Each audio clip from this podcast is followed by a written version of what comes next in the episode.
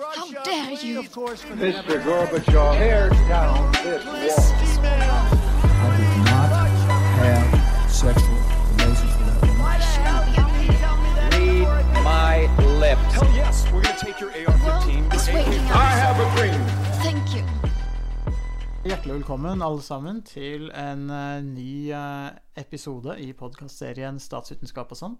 Og i dag så sitter vi eh, faktisk eh, i Råde på Borgebunn hjemme hos, eh, hos meg, og Sondre har eh, vært så heldig å få audiens eh, Mm. til Slapp så vidt inn. Det var så vidt. Du måtte jo koronatestes før vi slapp deg inn. Koronatestes, ja. Det er helt, helt riktig, det. Det må komme fra provinsen. Sånn, sånn må det nesten være. Så i disse um, koronavirustider så er jo Høgskolen Østfold stengt. Så da har vi måttet gjemme oss og gå til dekning her i um, En oppgradering, jeg må, jeg må si det, Harald. Det er en oppgradering av eh, kontoret fra kontoret vårt. Det er litt, det er litt triveligere her. Det Ja, det er ikke så aller verst. Nei. Og du har jo bakt brød i dag. Det, det har jeg. Det, Så det er jo altså makan. eh, såpass, eh, såpass må det være. Vi må jo ha noe å gjøre i, når vi ikke kan være på jobb. Så må vi jo bake brød og gjøre, gjøre nytte for oss på, på andre måter. Vi er fortsatt eh, friske og raske. Eh, bank i bordet. Ja. Eh, får vi håpe at det holder seg sånn. Men eh, høyskole er jo Vi har jo ikke noen studenter der. Det er jo tomt. Det jeg, jeg var innom i dag. Henta mikrofon. Det var jo ikke en sjel å se på høyskolen. Alt er stengt. Vi må gå over på digital undervisning, men det klarer vi jo. Eksamenstida nærmer seg, men vi må jo spille inn podkast, og her er det jo mye, her er det mye å ta av, da. i Det, det er det er absolutt. Og vi kan jo ikke la koronaviruset stoppe podkasten. Det ville jo vært uh, for ille. Ja, det er, det er litt sånn eh, britisk inspirert motstandsånd som under krigen, at vi ser fienden kommer, og så er det Men vi lar oss ikke stoppe. Vi lar oss aldri stoppe. Det, det skulle bare mangle. Keep calm and carry on. Helt riktig. Så der har vi Og det er oppfordringen kanskje til alle lytterne våre òg. Men um, korona. Her er det jo altfor mye å ta tak i. Fryktelig mye å ta tak i. Men det er jo veldig mye statsvitenskapelig og sånt å ta tak i når det kommer til eh, koronaviruset. Og Lars Nehru Sand, den politiske kommentatoren, en av de politiske kommentatorene i NRK, han skrev for noen dager siden at eh, det vi ser nå med koronaviruset det, Dette var jo hans analyse. Det er at det norske systemet, men også kanskje verden nå, at nå blir, men, men det var særlig Norge, da, for han knyttet det her opp til alle de ordene på 17. mai hvor vi snakker om solidaritet, samhold, dugnad, fellesskap osv. Det vi har kalt en demokrati, demokratibonanza. Men han mente at nå blir systemet stresstesta. Nå, nå ser vi Er systemet det vi snakker om?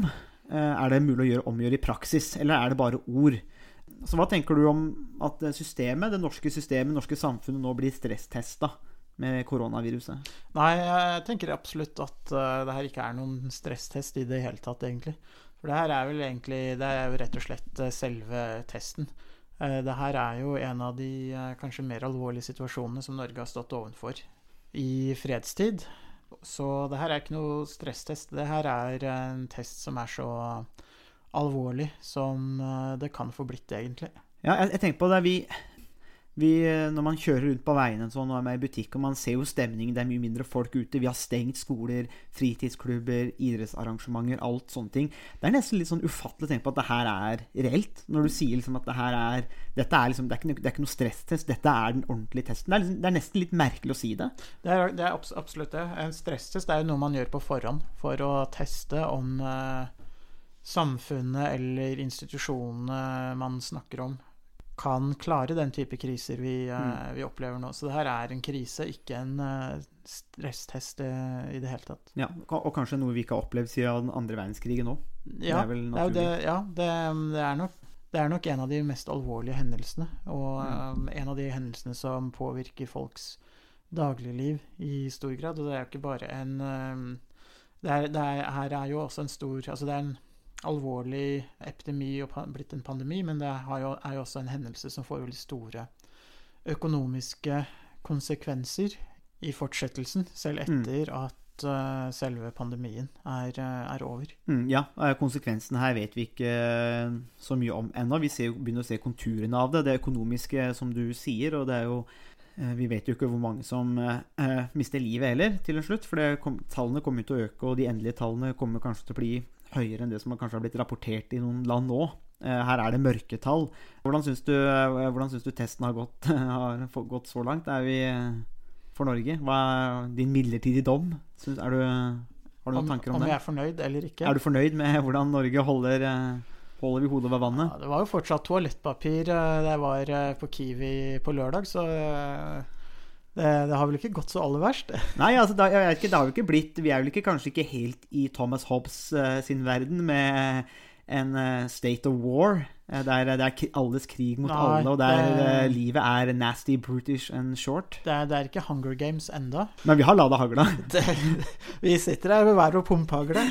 Så bare sånn i tilfelle. Bare sånn i tilfelle. Nei, vi, vi gjør ikke det, altså. Vi er, vi er kun ladd med akademisk skyts i dag. Men institusjoner her har vi snakka fryktelig mye om. Eh, Vi har sagt i flere podkaster institusjoner spiller en viktig rolle. Og i denne testen, som du slår fast, ikke er en stresstest, og jeg er enig med deg i det Hvilken rolle spiller institusjoner, og hvilken, hvordan er det vi ser på en måte at institusjonene er aktive eller spiller en viktig rolle nå? Altså, institusjonene spiller jo ofte to, eh, to ulike roller. Det ene er at de, de skal jo operere uavhengig av de personene som til enhver tid innehar eh, de ulike stillingene eller posisjonene i en institusjon. Mm. Og det gir oss eh, forutsigbarhet, og det gjør at vi vet at systemet fungerer på en bestemt måte, uavhengig av hva som, eh, som måtte skje. Og det er jo den store fordelen med et samfunn hvor institusjonene er, er viktige, hvor de er uavhengige av hvilke enkeltpersoner som til enhver tid styrer eh, samfunnet. Mm, jeg tenkte på det, jeg hørte på en pressekonferanse som Erna Solberg holdt, så kom det spørsmål høyere opp i helsesektoren, eh, er i karantene, hvordan påvirker det arbeidsoppgaver?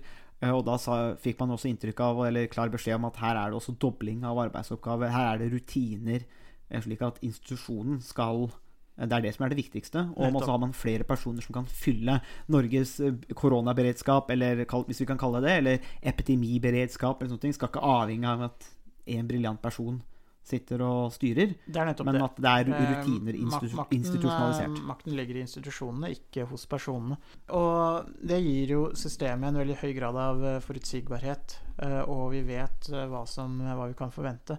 Og det er jo noe av grunnen til at vi ser på det som en, en god ting at mange oppgaver og mange deler av samfunnet, både det politiske, økonomisk, hel helsevesenet og andre, er styrt av institusjoner. Men det som er ulempen også, det som er eh, den andre siden av, av mynten, er jo også det at institusjoner er bygd opp for å fungere på en bestemt måte, og når de blir konfrontert med den type kriser som vi står overfor nå, så er det i et slags nærmest iboende trekk ved institusjoner at de fordi de er litt trege, fordi de eh, gir oss forutsigbarhet og er eh, konstruert for å fungere på en bestemt måte, så vil ikke institusjoner alltid håndtere den type kriser som vi står overfor nå, på en, eh, på en god måte. Mm, De kan være litt rigide. De er rigide, trege, eh, og eh, det gjør at man kan kanskje få at det vil ta lang tid før man eh, ser eh, effekten av tiltak, eller at tiltak kommer for sent. Og det er altså noe av det den politiske debatten i Norge har gått på de siste dagene. Mm. Eh, Opposisjonen har jo kritisert regjeringen for å være litt for sene, litt for trege med å sette i gang tiltak. Og det, det vil jo sikkert komme en evaluering i etterkant av den um, krisen som vi står overfor nå, som vil se på om regjeringen har gjort nok, tidsnok osv. Men det her er jo også til en viss grad et resultat av at institusjonene er konstruert for å fungere på en bestemt måte for å håndtere en Mm. del av de problemene som vi allerede er kjent med hvordan man kan løse. Og mange kriser er jo kriser nettopp fordi at de er uventet, og det er, er kanskje hendelser som det er vanskelig å, å planlegge for. Og selv om man kan planlegge for en epidemi eller en pandemi, så er det alltid uklart hvor, eller usikkert hvordan den type hendelser vil påvirke oss i, eh, i praksis. Mm, Jeg så Marie Simonsen hadde en kommentar i dag, faktisk, før, eh, før jeg tok den lange kjøreturen til Rådet. Ja, hun beskrev akkurat den følelsen som du eh, antyda til nå. At eh, hvordan kan det her på en måte skje i Norge? Det er, det er litt sånn Man leser om epidemier, man leser om sykdommer, og så er det sånn Det er noe som foregår i Asia. Det er noe som eh, vi sender eh, våre tanker og bønner til. Eh, our thoughts and prayers. Eller at man gir noen dollar på en sånn Facebook-innsamling. Men, men det er det ikke nå. Det her er, altså, det er her. Det er, det er en global pandemi. Antageligvis store mørketall. Eh, og vi vet jo ikke hvor lenge det kommer til å vedvare. Så det er, men det er litt den der følelsen at det er nok mange som genuint har følt på det der eh, At det er litt sånn sjokk. At jøss, kan det her faktisk skje? Og det, kanskje det er en liten sånn oppvåkning som vi alle trenger. At uh, ja, altså pandemier og sånne ting, det er, det er en del av menneskelig tilværelse. Det, Ja, ab- absolutt. Og det, det her er jo et, eh, et eksternt sjokk som også vil påvirke de institusjonene som, eh, som vi har i dag. ja, for da er vi inne på noe vi- viktig. Eksterne sjokk. Institusjoner. For institusjoner kan jo endres. Det kan de. Det som, eh, det som ofte skjer, er jo at institusjonene fortsetter å vare og fungere på den måten de, eh, de er konstruert for å gjøre. Helt til de møter et eksternt sjokk. For eh, 10-12 år siden så hadde vi jo finanskrisen i store deler av eh, verden. Og det var jo et sjokk på det finansielle systemet og banksystemet. Og så har man forsøkt å i etterkant å designe et nytt banksystem, nye institusjoner, som kan unngå at det samme vil eh, skje igjen. Men har man gjort nok der? For jeg tenker på den der Nå falt det meg inn i hodet, eller rann meg i hugen, som det heter på Halling, at du nevnte jo den Var det i den podkastepisoden vår om USA er et velfungerende demokrati? Nettopp det at det, kanskje for første gang så har man også brukt overskudd eller penger til å ikke forandre på disse institusjonene, og det gjør at man kanskje kan bli litt sårbar òg. Ja, for det, det, som, det som vi var inne på i den podkasten om eh, USA et, er et velfungerende eh, demokrati, var jo nettopp det at tidligere så, i tidligere oppgangsperioder så har den amerikanske regjeringen og det amerikanske samfunnet gjennomført ulike strukturelle reformer, bygd opp ulike institusjoner for å gjøre samfunnet enten mer produktivt eller øke eh, nivået på, på velferdsstaten osv. Og det som ikke har skjedd i USA de siste ti årene, er jo nettopp at man Mm. har bygd ut nødvendig infrastruktur eller eh, gjort andre nødvendige tiltak for å øke motstandsdyktigheten, eller for å gjøre Mm. samfunnet mer forberedt på Eller mer konkurransedyktig. Og, og det kan jo være en ulempe nå. Mm. Eh, for nå der står man kanskje i et, en situasjon hvor man er mer sårbar, både økonomisk og politisk, og også Ja, for- helsemessig. For når du ser på Trump, president Trump, og hvordan hele hans kandidatur, styrken i hans kandidatur, det er liksom fundert på at aksjemarkedet, børsene gjør det bra, at det gjør at økonomien er på, liksom, i gang. Men man ser jo det nå. Børsene de stuper jo og stuper og stuper. Så kanskje USA også her har vært litt veldig sårbart. Ja, absolutt. Og Trump har jo gjort seg selv sårbar ved at han har basert sin popularitet i stor grad på en institusjon som, eh, som børsene. Det er en veldig eh, risiko, eller en strategi med høy risiko, fordi eh, han kan ikke kontrollere børsene. Mm. Og da er det egentlig børsene som kontrollerer han. Mm. Og det er jo det motsatte av å være robust eh, som, eller motstandsdyktig. Ja, jeg tenker på det, det Jeg vet ikke om du har sett det, men det var egentlig litt spesielt. Men NTNU har jo sendt Og det her har gått sin seiersgang på Twitter, men NTU sendte ut en eh, melding om studentene, og, eller for studentene. Og de sa at eh, studenter som er i utlandet, de bør komme hjem. Eh, og så sto det eh, Og særlig for studenter i land med lite eller dårlig utvikla helsevesen, for, eks- for eksempel USA. Og det her har da gått sin seiersgang på Twitter, og jeg ser mange av mine amerikanske kollegaer, og de koser seg jo glugg i hjel med det her, men det, er bare sånn så, det er så fantastisk av alle land som NTNU og Norge kunne ha brukt som eksempel på et dårlig helsevesen, hvor norske studenter ikke må bli fanga.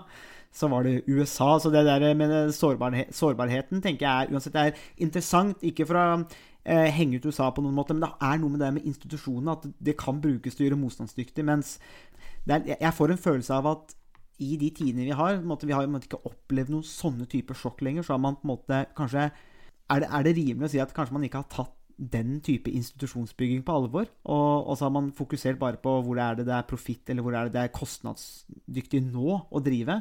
Mens at rett og slett ved litt menneskelig atferd, menneskelig eksistens, så må du ha noen dypere institusjoner. Kanskje du ikke ser nytten av dine i fem år, nå om ti år, men så kommer det sånne typer sjokk, og da må du være forberedt. Jeg vet ikke, det er bare noe som falt meg inn, i hvert fall, når jeg, så din, Ja. når jeg ser hvordan vi reagerer Altså, på det. det, det er jo interessant, fordi vi har jo sett uh, de siste 20, 20 årene flere epidemier som har hatt sitt opphav i Sørøst-Asia, som SARS i, på begynnelsen av 2000-tallet. Svineinfluensa, fugleinfluensa osv. Og, og sånn sett så kan man jo si at det har bare vært et tidsspørsmål før man ville få et, eh, et virus eller en infeksjonssykdom som Mm. som vil kunne slå ut en større del av eh, befolkningen. Og når, når, man reiser, altså når man reiser eh, rundt i Sørøst-Asia mange steder, så ser man jo at det er, egentlig, det er jo egentlig perfekte forhold for at den type infeksjoner skal kunne utvikle seg, med, delvis pga. klima, høy temperatur, høy luftfuktighet. Veldig stor tetthet av mennesker og dyr som lever eh, side om side. og den type markeder hvor eh, viruset skal ha oppstått, eh, som det, det har vært snakk om i, eh, i Wuhan i, eh, i Kina, finnes det jo eh, tusenvis av, hvis ikke enda flere, rundt i både Kina og mange andre land i, i Asia. Mm. Så sånn sett så det en, har det kan man jo kanskje si at det har vært en varslet katastrofe, eller noe man kunne, kunne forvente. Men igjen så, så er vi bare klar over, og for, klar, klarer på mange måter bare å forberede, forberede oss på det vi kjenner fra fortiden. Og det gjør det vanskelig å forberede seg 100% for den type katastrofer og kriser som vi, eh, som vi står overfor nå. Mm. Eh, Du nevnte, mm, mens vi satt og diskuterte podkasten, du nevnte Black Swans. Har du lyst til å Og det hørtes, hørtes interessant ut, så nå er jeg litt som lytterne. Hvis du har lyst til å utlede på, eh, på stedet eh, hva du eh, mente med Black Swans. Ja, altså I Europa så trodde man jo eh, veldig lenge at alle svaner er jo hvite. At det finnes bare hvite, hvite svaner. Og det trodde man jo helt til europeerne reiste til eh, Australia. Som har en helt annen eh, fauna enn eh, vi kjenner fra, Mm. Fra Europa. Uh, og der oppdaget de jo også uh, sorte svaner. Og det kom jo som en, uh, en stor overraskelse og nærmest et sjokk på, på mange. Og det er en Ja, jeg vet ikke helt hva han vil kalle seg, eller hva han kalles. En filosof, økonom, samfunnsforsker, Mm. Nassim Taleb, som har skrevet en del om hvordan økonomien og samfunnet påvirkes av det han kaller eh, sorte svaner, som eh, rett og slett er den type kriser, eh, katastrofer, hendelser som er uventet og sjeldne og egentlig litt sånn tilfeldige og vilkårlige. Så han beskriver den type hendelser som sorte svaner. Fordi at vi kjenner til hvite svaner, og vi planlegger våre aktiviteter og samfunnet basert på, at, på det vi kjenner, nemlig hvite svaner, og så får vi et lite sjokk når vi oppdager at eh, det også finnes eh, sorte svaner. Eh, Så økonomiske sjokk, tilbakeslag, økonomiske kriser og den type mm, helsekriser som vi står overfor nå med koronaviruset, er et slags eksempel da på sorte svaner. Og det som er løsningen, det er å bygge institusjoner som Taleb kaller for såkalte anti-fragile institutions. Mm. Ikke er så sårbare. Nettopp. Det er institusjoner som kan stå imot, eh, og som, eh, for å bruke et, eh, en klisjé fra dagens regjering, at de er robuste. Mm. Og Med Viken viser vei òg, kanskje? det er absolutt. Viken har jo blitt en robust institusjon allerede. Ja. Den har jo klart å stå imot en del nedleggingsforsøk allerede, ja. allerede før den var etablert. Ja, det, det viser robusthet. Det viser Så der må, robusthet. vi, der må vi gi honnør til dagens regjering, som har gjort en kjempejobb. Rett og slett. Eh, Så ideen er å, å bygge samfunnsinstitusjoner som har større grad av motstandsdyktighet. For noe av problemet er at det er en del hendelser vi, vi kanskje vet vil oppstå Mm. på et eller annet tidspunkt. Vi vet at det kanskje vil komme en ny finanskrise på et eller annet tidspunkt. Ja. Vi vet at det vil komme den type vi- virus og infeksjoner som vi nå um, har, eh, står oppi. Mm. Men vi vet ikke når, og vi Mm. vet ikke helt akkurat hvordan det vil slå ut. Så da må Mm. vi Det som er løsningen, er å bygge institusjoner som er som har mulighet til å stå imot mange ulike kriser og uventede situasjoner. Jeg tenker jo det er en eh, Svaret tenker jeg er, er veldig interessant, og som jeg den, den, den kjøper jeg, den, eh, det med institusjonene. Kanskje ikke helt enig i om hvis, nå, ikke, nå, skal du si at jeg har jo ikke lest det, eh, eller hva han har skrevet. Det er kanskje en liten nyanse, føler jeg, kanskje det med hvor ekstern er trusselen. Fordi eh, altså, kriser i finanssystemet er jo tross alt noe vi lager, på en måte. For det økonomiske systemet er jo noe vi har konstruert. Jeg vil også si det samme litt fra det med terrorisme. At eh, mye av den terroren vi har sett etter eh, 2003, er noe vi langt på vei har skapt selv i Irak, med invasjonene der. Eh, så jeg tenker det, pandemien, denne eh, disse virusene, er jo kanskje den Det er jo eksternt. På en måte, det, Vi får tro det. Men det er jo konspirasjonsteoretikere som sier at dette er noe Kina har sluppet ut sjøl. Men det virker litt eh, søkt for min del. Eh, pandemier er en del av vår eksistens. Eh, Ja, de kommer med jevne mellomrom. Men det- ja. jeg er enig med det. Institusjonene, altså svaret, tenker jeg er på en måte det samme likevel. Og jeg har lyst til å si det at for meg så er institusjoner Jeg kjøper den for, det, det, det svaret, og jeg tenker at det er det riktig. På samme måte så er det viktig at ikke vi da bruker institusjoner sånn som vi har gjort i f.eks. krigen mot terror. Og skape mer, så de kan misbrukes òg. Så det der å ha robuste definisjoner er ikke noe sånn Det, det, det, er, er mer enn å bare finne opp ting. Det er, det, er, det er en kompleks situasjon hvor ja, det er svaret på mye for menneskelig interaksjon. Men det er ikke en fasit. Det er ikke noe sånn der, eh, du har ikke kommet, det er ikke noe sånn utopisk institusjon. eh, Når du har, liksom, har klart en institusjon, så er det en måte alt løst.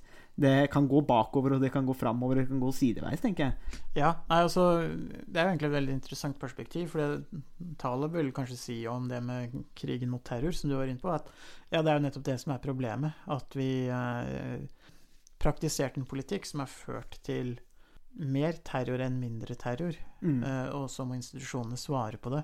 Ja. Uh, og det er jo hele problemet. Så man kan si fra Taleb sitt perspektiv så skulle man jo uh, egentlig designa og konstruert institusjoner hvor man unngikk å faktisk skape mer terrorisme Mm. enn det man det som, det som er det er grobunn for i utgangspunktet. Mm. Og det samme gjelder jo finansinstitusjoner. Og at man skal ha institusjoner som ikke kan eh, hvor, det ikke er insentiver som kan skape ubalanser og føre til finanskriser. Men klarer vi det, da? Nei, så vi klarer jo aldri det på en perfekt måte, eh, så vi kan unngå kriser. Men det, det som er viktig, er jo å kunne håndtere krisene.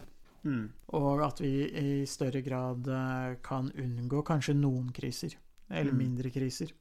Men eh, sånn en, en liten eh, For å følge opp en diskusjon vi har hatt eh, før, Harald, i flere podkaster.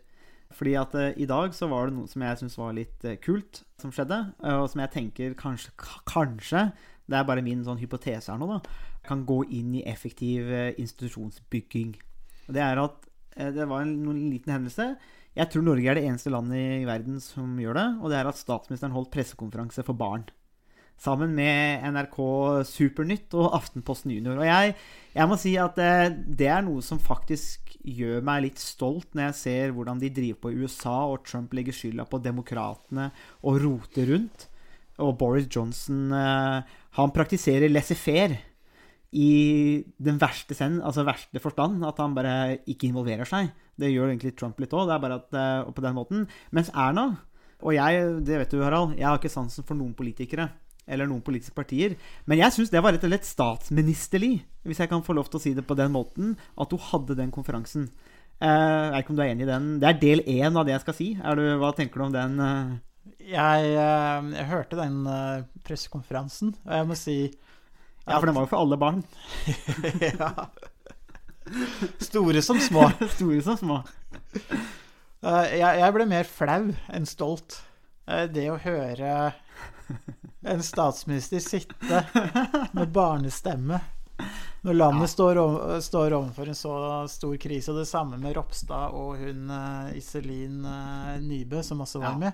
Jeg må si at jeg syns det var rett og slett pinlig. Ok, var... men der har, vi en, der har vi en herlig forskjell. For jeg, jeg tenker at det var litt eh, fint, og det er noe som er unikt norsk ved at barna blir inkludert på den måten som man ikke gjør i mange andre land. Men, og da, nå, skal det, nå tenker jeg det blir enda mer moro, skjønner du. For eh, nå skal jeg, Ja, nå utlede, ja, nå skal jeg utlede den analysen ett steg til. Som jeg mener er en legitim hypotese, men jeg veit at du kommer til å rykke tilbake i stolen. Jeg ler nesten når jeg tenker på hvilken reaksjon som kommer nå. Men eh, jeg har nå etablert at jeg syns dette var en veldig fint tiltak. Og jeg har lyst til å knytte det til dannelse-begrepet. Og hvordan vi gjennom praksis og via barn institusjonaliserer For det er jo det begrepet vi må bruke. En, eh, en form for hvordan er det vi driver landet, hvordan er det vi henvender oss til alle innbyggere, deriblant barn. Og at dette er en del av, eh, av dannelsen i det norske demokratiet. Nå kan du tygge litt på den, men eh, jeg mener at det her er en, en ganske legitim eh, i hvert fall hypotese. da. Jeg sier ikke at det, er jo aldri noe som er sant eller direkte sant eller ikke sant, men eh, jeg vil faktisk argumentere for at det her er en eh, viktig del av hvorfor Norge et, har en del velfungerende institusjoner og et relativt fungerende demokrati, er at vi har sånne type praksiser. Så dannelse, smak på den. Tygg på den. Hva, hva sier, eh, hva sier kynikeren Borgerbund nå? Nei, av, um, av alt det du har sagt i de podkastene her, så Så kommer vel det ganske høyt opp eh, på en topp ti-liste over ting eh, som, eh, som vi kanskje burde klippe bort. Nei, det skjer ikke. Det skjer ikke om jeg så skal redigere episoden selv. Nei, eh, Dette, blir- dette blir teaseren, vet du. Dette blir teaseren til episoden. Ja, eh, jeg er redd for det. Men jeg kunne ikke vært mer uenig. Jeg tror det har jeg, jeg, tror ikke det her eh, representerer noe dannelse i det hele tatt, eh, dessverre. Delvis fordi at det er ingen av de barna som hørte på, eller som sendte inn spørsmål, som kommer til å bry seg om det her i morgen. eller senere i livet. Så effekten av det, Ah. effekten av det er veldig liten. Den eneste effekten eh, jeg tror det vil ha, er at det kan berolige noen foreldre, og at det er noen som, eh, som føler at uh, kanskje, det her, kanskje det her går bra likevel. Uh, Så jeg tror det er ingen uh, Det, er, det, har en førstehjelpseffekt, men ikke en dannelseseffekt i det hele tatt. Nei. Nei, det er, der har vi en Them's the fighting word, som det heter på Nei, jeg vet ikke om, jeg vet ikke om det er en sånn ås som jeg Eller er det det det heter? En ås som jeg er villig til å dø på. Det vet jeg ikke. Men, men jeg mener perspektivet er jo noe som i hvert fall vi i en statsvitenskapelig podkast må reise. Jeg Ja, ja, ja. syns det kanskje var litt dogmatisk eh, i svaret der. Nei, Har du ikke trua på Norge? Hvor er patriotismen, Harald? Nei, nei, jeg har ikke noe Vet du ikke at det er typisk norsk å være god? Uh, nei. Uh, det er typisk norsk å være middelgod. Middelmådig. Det er, bein, det er, bein, det er, bein, det er beinhard dom. Det er det, beinhard dom. det er jo akkurat det vi var inne på i podkasten om uh, hvordan Norge går konkurs. Ja. Vi er middelmådigheter som eh, er på vei uh, Med olje, da. Vi er, ja. Det er jo, det er jo olje, oljenæringen som redder oss. Men for de, som, eh, for de av lytterne som måtte være interessert i å studere en statsvitenskap ved HiØ, eh, så er det klart at hvis dere deler det, litt eh, pessimistiske synet til Harald, og tenker at det er eh, Så er det en unik ting som dere kan få studert her ved Høgskolen Østfold. Eh, At, du kan, at man kan liksom få bli, få bli men mentorert, eller man får liksom Man, man blir eh, Man får en, eh, en unik, Unikt perspektiv. et, et, Ja, en unik opplæring i å se realistisk på livet, rett og slett. Re- re- Rett og slett. Så det, er, det her er en totalpakke som man, man kan få ved HJØ. Og hvis man er optimistisk og positiv, så kan man jo gå i dine fotspor. Ja, det, Da det får man en, eh, en opplæring som gjør at man uh, i hvert fall ser lyst på livet. Ja. Når skuffelsene kommer, én etter én. Ja, det, og det, det, det holder jeg meg ved, altså. Uh, Jeg gjør det. Men um, det er jo det dannelsesperspektivet. Men også tenker jeg at uh, jo, men kanskje det er noe i det som vi trenger òg. Fordi vi har jo hatt en konflikt, i hvert fall der jeg er fra. Nå er, nå er jo jeg i Halden, og til dels Råde. da Jeg pendler mellom Halden og Råde eh, i sånn karavan, smittekaravan. Men, det er, men jeg har ikke reist hjem til Nesbyen. Og Nesbyen er jo Hallingdal. Det er eh, Norges største reiselivsdistrikt. Vi er jo samme fylke, forresten. Eh, så det er jo liksom spesielt. Men eh, i Viken, da. Men, men der er det sånn 3500 innbyggere, cirka. Eh, og dette tredoblet seg i, i noen dager, fordi at mange av de som var i Oslo eller de store byområdene, tenkte at ok, dette er egentlig ferie, vi kan reise på hytta, gå på ski. Men det er klart at skulle de bli syke, de regna med at de, de, de tok jo som utgangspunkt at de ikke skulle bli syke. Men hvis de ble syke, så ville jo det legge ekstreme kostnader på, over på et lokalsamfunn som er dimensjonert for 3500 innbyggere. Her oppsto det en konflikt, og det er klart at eh, på en måte så kan man jo tenke seg at, eh, at en del av de folka burde ha skjønt bedre. Det, det måtte til slutt, For å få de fleste ned, så måtte jo regjeringen gå inn og forby det. Og si at her nå kan Sivilforsvaret og politiet komme og hente dere. Eh, og det syns jeg var litt sånn trist. Så på, på den annen side så fikk man en del bygdefolk som var ganske krasse i sin ordbruk. Og det oppsto raskt en situasjon med mistillit. Skal det så lite til? Altså, jeg, På en måte tenker jeg at det er eh, det, Ting brøyt veldig fort sammen. Folk hørte ikke på statsministeren eh, når de ble bedt om ikke å reise på hyttene. Så må man true med loven. Sier det her noe om oss som mennesker, eller er det ikke så farlig? Det er bare en sånn gnisning, konflikt, som bare oppstår naturlig, eller, eller sier det noe mer? For alle ser konflikten. Så det er spørsmålet mitt til deg som analytiker. Her nå, som, Du har ikke fått spørsmålet på forhånd, så du må svare litt sånn på um, stående fot. Jeg begynner å bli vant med det fra deg. ja, det er, det, er, det, er, det er positivt. Nå er det positive, men Harde bud. da, da, da holder jeg bud. Eh, sånn er det. Eh, men tenker du at det sier noe mer enn bare det at eh, det er usaklige folk som slenger dritt til hverandre? Sier det noe mer? Eh, Jeg vet ikke helt. Eh, Jeg tror ikke man skal overdrive den konflikten eller den, eh, den uenigheten eller det, den, de gnisningene, som du kalte det, som oppsto mellom hyttefolk og, og lokalbeboere. De opp, oppstår jo ofte av mange ulike grunner på, på den type feriesteder hvor det kan bli en konflikt mellom hyttefolk som kommer og tar seg til eh, rette på lokalbefolkningens bekostning. bekostning. Men det er klart, eh, det, det, er jo også et Man kan også si at det, det reiser noen dypere spørsmål om, om tillit i, eh, i samfunnet. Og det, det jeg tenker, eller det som jeg fikk litt inntrykk av at du, du sikta litt til, er liksom hvor lite er det som egentlig skal til før den tilliten vi har til andre mennesker, eh, bryter, eh, bryter ned eller bryter sammen? Og den type mm, pandemier som vi står overfor nå, er jo et, kanskje veldig, et veldig godt uh, eksempel på, på hva som skal til for å bryte ned tilliten. Fordi at vi, når vi møter fremmede mennesker, og i og for seg mennesker vi, vi kjenner godt eh, i disse tider, så, så vet vi jo ikke om de bærer på smitte. Mm. Så vi møter jo andre mennesker med en, eh, en slags mistro, eller vi har ikke tillit. Vi har ikke noe Vi har ikke nødvendigvis direkte tillit til, de, eh, til de vi møter. Og spesielt hvis vi kanskje møter noen som snufser og hoster og nyser eh, litt eh, i overkant, så vil du kanskje bli veldig skeptiske. Mm. Så det sier på en måte noe om at tillit er en slags ferskvare som kan egentlig forsvinne raskt. Mm. Men eh, når den pandemien eh, som vi står overfor nå, er, eh, er over, så vil kanskje tilliten i stor grad gå tilbake til det nivået som det var tidligere. Mm. Etter 22. juli eh, så fikk man jo også et slags tillitsbrudd, eller hvor tilliten til politiet ble alvorlig svekket, men eh, ikke lenge etter eh, 22. juli så var tilliten tilbake på omtrent samme nivå igjen. Mm. Så tillit er jo noe som kan, eh, som kan eh, forandre seg eh, også. Som, kan si det er et slags grunnfjell av tillit i samfunnet til både institusjoner og andre mennesker. Mm. Eh, og det som kan svekke tilliten nå, er kanskje mer midlertidige situasjoner, som f.eks. 22.07-hendelsen. Som var en eh, Det var jo en, en hendelse som kun foregikk over én dag. Eh, og mm, det er jo en type hendelser som inntreffer veldig sjelden, og det samme gjelder jo den pandemien vi står overfor nå.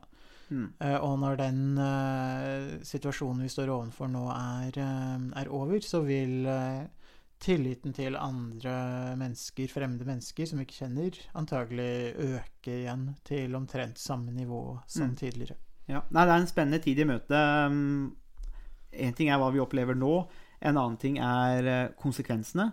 Det er konsekvensene som er nå. Altså for, for en del mennesker så går det på helsa løs. Eh, For mange mennesker så vil det gå løs på jobb. De er permittert. Det vil ha økonomiske konsekvenser. Må man begynne å ta grep her hvis det vedvarer? Hva gjør man med lån og husleier og nedbetaling og sånne ting? Hvis det her vedvarer og folk ikke får lov til å gå på jobb, hva gjør det med velferdsstaten? Altså, det er greit at vi har 10 000 milliarder på bok. Eller ja, tekt, altså, på en måte, da. Ja, vi har jo ikke det nå lenger. Vi har ikke det nå eh, lenger. børsfallet de siste, Nei. To ukene. Nei. Og, og, og hva, hva, hva gjør man med, med, dette? Hva gjør man med Nav? Hva gjør man med utbetalinger der? Det, det er en del konsekvenser her, som vi, vi ikke vi, altså vi, ser, vi ser jo bare konturene av det. Vi kan begynne å ane oss. Så det er en spennende tid i møte for, for, for Norge og for hele, hele verden. Um, vi kommer jo tilbake med flere episoder eh, om det her. Vi, nå, er, nå har vi jo bare hjemmeundervisning, eller ja, digital undervisning. Så det betyr at vi har bare fryktelig mye mer tid til å spille inn podkaster. Det blir podkast uh, til frokost og podkast til lunsj og podkast til uh, middag de neste dagene. Det var en, uh, rett og slett var en god idé.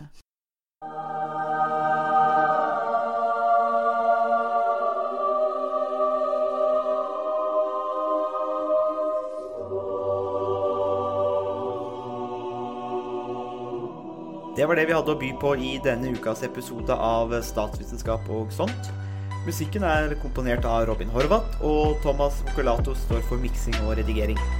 Du finner oss på Facebook, bare søk på Statsvitenskap og sånt. Der kan dere komme i kontakt med oss hvis dere har spørsmål eller kommentarer. Der finner dere også aktuelle artikler, videoer med mer. Vi setter pris på om dere liker sida, og deler den med andre som dere tenker vil ha glede av å høre på podkasten. Vi høres! And change is coming whether you like it or not.